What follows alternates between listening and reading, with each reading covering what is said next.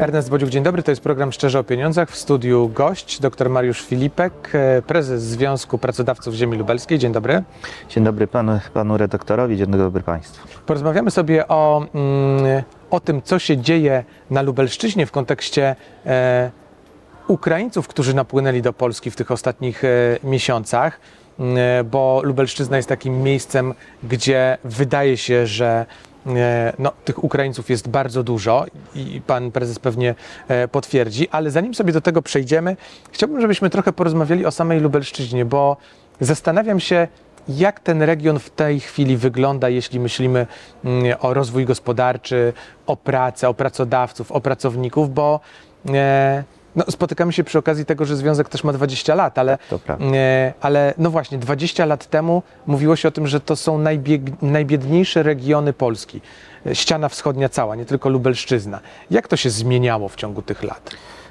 Panie redaktorze, 20 lat temu Lubelszczyzna istotnie była biednym regionem. Tak naprawdę to wszystko, co było wtedy, ewoluowało do dnia dzisiejszego. Wtedy mieliśmy bardzo rozdrobnionych przedsiębiorców, można powiedzieć y, bardzo małych sklepikarzy, tak zwane warzywniaki. Y, Szereg przedsiębiorstw po komunistycznych, przedsiębiorstw państwowych. Dzisiaj no, Lubelszczyzna zdecydowanie się zmienia i tutaj trzeba oddać y, cześć zarówno samym przedsiębiorcom, ale także współpracy tych przedsiębiorców z, z władzami, z władzami lokalnymi, władzami, y, y, władzami centralnymi i, władz, i ogólnie działanie tych władz na rzecz infrastruktury, na rzecz w- w ogóle tworzenia różnego rodzaju mądrych przedsięwzięć dla potrzeb przedsiębiorców, jak Rozumiem, że w ciągu tych całych 20 lat, Mówimy to o, nie chodzi o mówimy o konkretne 20 władze, latach, oczywiście. wielokrotnie zmieniające się władze, czy samorządowe, czy, czy centralne. Takim, no, to, to chociażby dla przykładu. Trasa S17, która połączyła Warszawę e, z Lublinem i dalej e, S19 e, z Podkarpaciem, z Rzeszowem, z autostradą mm, e, e, na południu Polski. Jak ona wpłynęła na region? Ona od niedawna jest, widać tę różnicę? Ależ oczywiście, że tak. Kiedyś do Warszawy samochodem jechałem 3,5 do 4 godzin. Dzisiaj jadę godzinę 40. To jest połowę mniej czasu poświęconego za, na przejazd do Warszawy. Mamy otworzoną e, trasę szybkiego ruchu na Rzeszów, do Rzeszowa.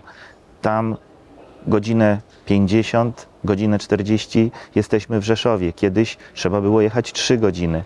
Z Rzeszowa już jest pełna trasa do Krakowa, do Katowic, do Wrocławia, a dalej na zachód. Także nasz region, czyli Lubelszczyzna, ma okno na świat. Dzięki trasom szybkiego ruchu ma okno na świat. Mało tego, trzeba pamiętać, że mamy lotnisko. Mamy lotnisko w Świdniku, które tak naprawdę również otwiera nam szereg możliwości.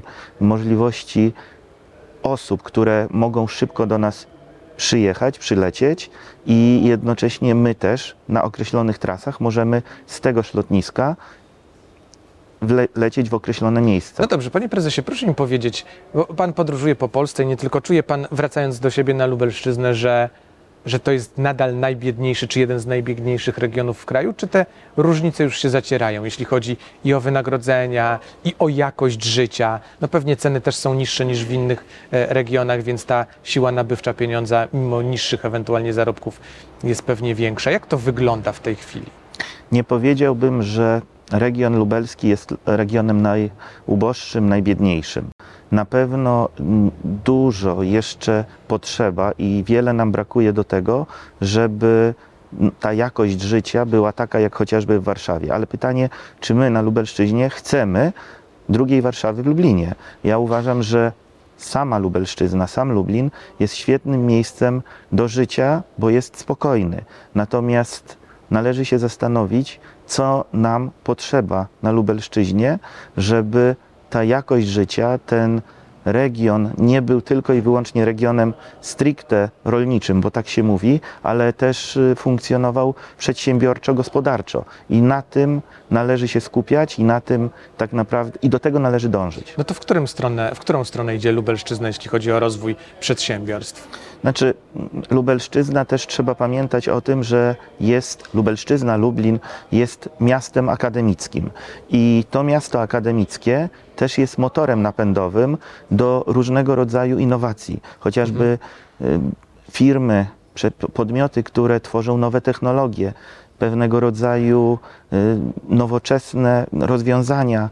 Mało tego, sami studenci, których jest no, w lubelskich uczelniach myślę, że około 100 tysięcy, to są naturalni przedstawiciele Lubelszczyzny, którzy później, y, bo trzeba pamiętać, że nie tylko studenci z Lubelskiego, z Lublina, z, Lubelszczyzny studiują na uczelniach lubelskich, ale także i są to studenci z innych regionów Polski, ale także są to studenci z zagranicy, czy na Uniwersytecie mhm. Przyrodniczym, czy na Uniwersytecie Medycznym. A 100 tysięcy, no to w zasadzie jedna czwarta, około jednej czwartej miasta. Tak, to prawda. Rzadko gdzie tak bywa. To tak jakby w Warszawie, nie wiem, 200, 500 tysięcy studentów było. No to jest... Tak, to prawda, dlatego powtarzam, Lublin to miasto akademickie i w tym zakresie też trzeba tworzyć ten yy, pomost, tę płaszczyznę porozumienia, tę płaszczyznę relacji przedsiębiorcy, a uczelnie, tworzenie różnego rodzaju startupów, tworzenie różnego rodzaju płaszczyzn porozumienia, tak jak powiedziałem, i tworzenie nowych rozwiązań biznesowych, relacja przedsiębiorca-uczelnia. A jak jest dzisiaj z szukaniem pracowników na Lubelszczyźnie? No, zawsze te wschodnie regiony Polski charakteryzowały się tym, że to bezrobocie tam było e, największe. Dzisiaj generalnie w skali kraju mamy bezrobocie bardzo niskie. Czy sobie popatrzymy na statystyki GUS-u, gdzie jest 4,8, czy Eurostatu, gdzie jest wyraźnie poniżej 3. W zasadzie w Europie tylko Czesi są przed nami. A na Lubelszczyźnie jak jest? Łatwo jest znaleźć pracownika, czy nie?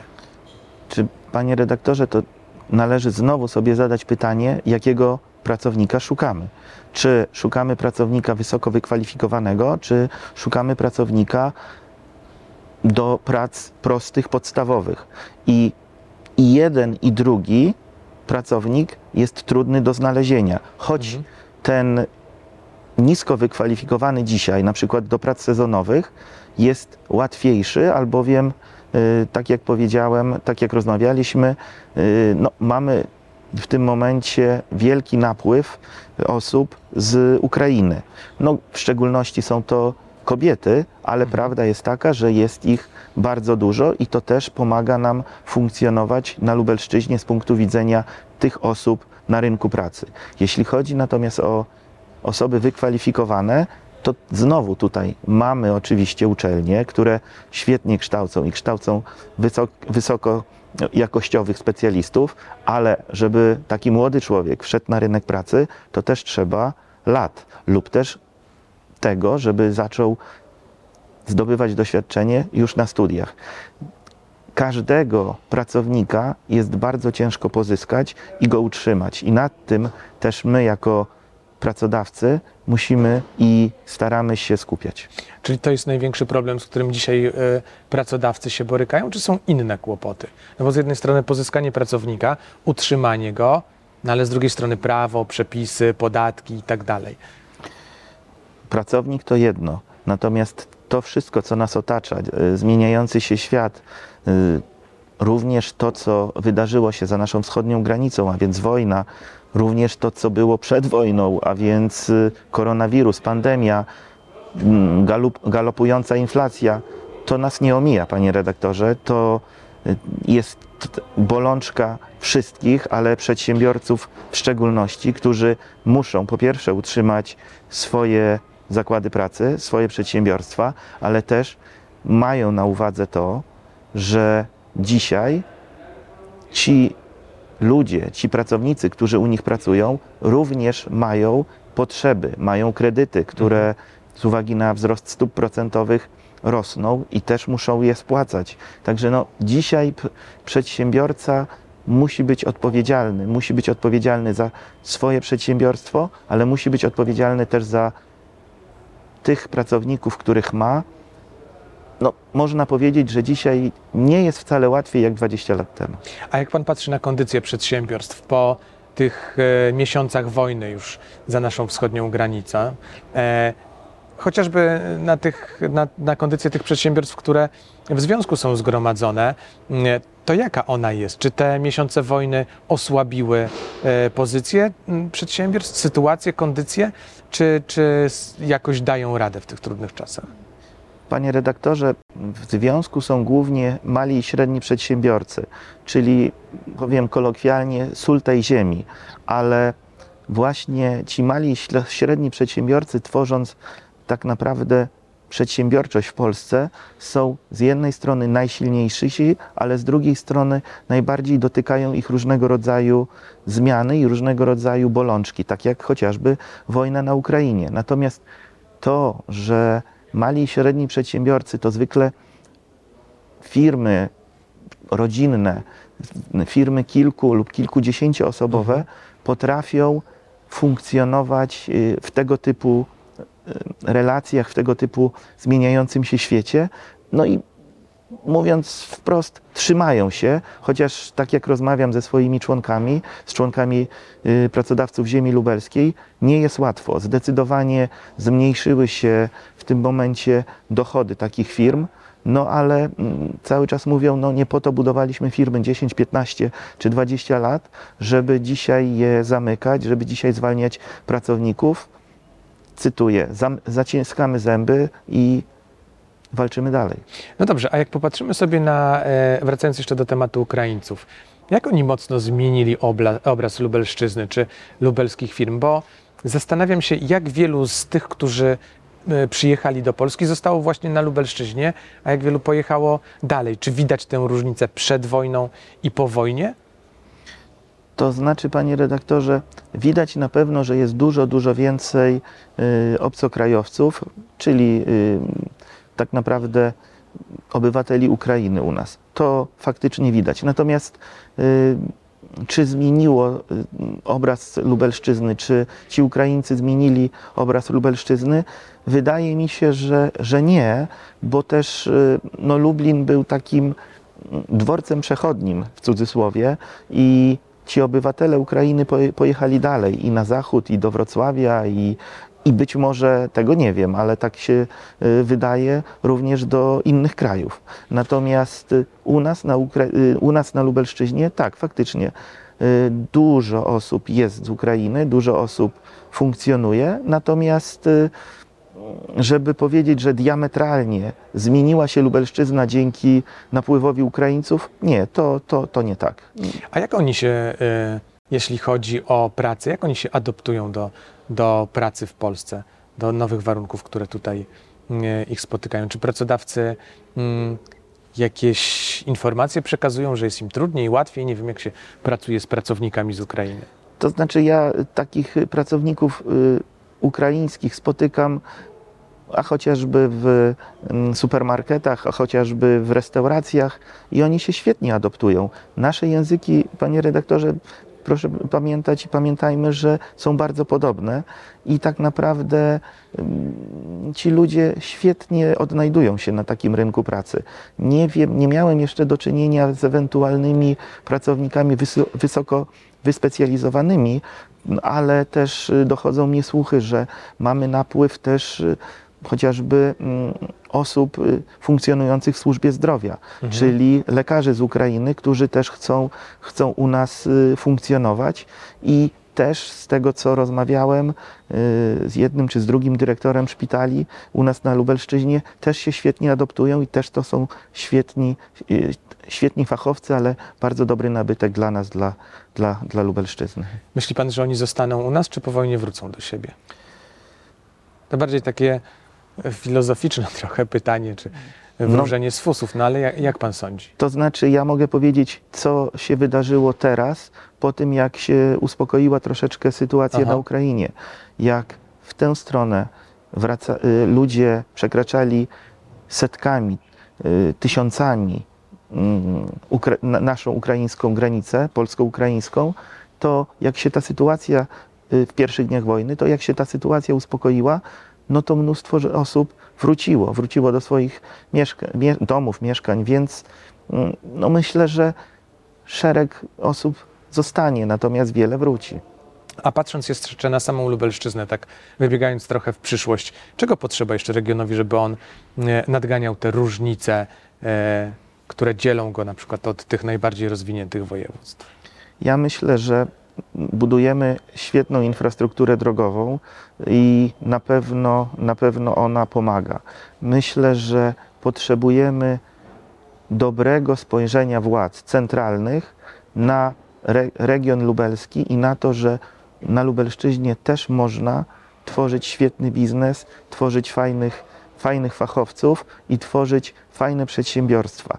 Czy to nowych technologii, czy też produkcyjne, tylko zastanówmy się, jaka to ma być produkcja.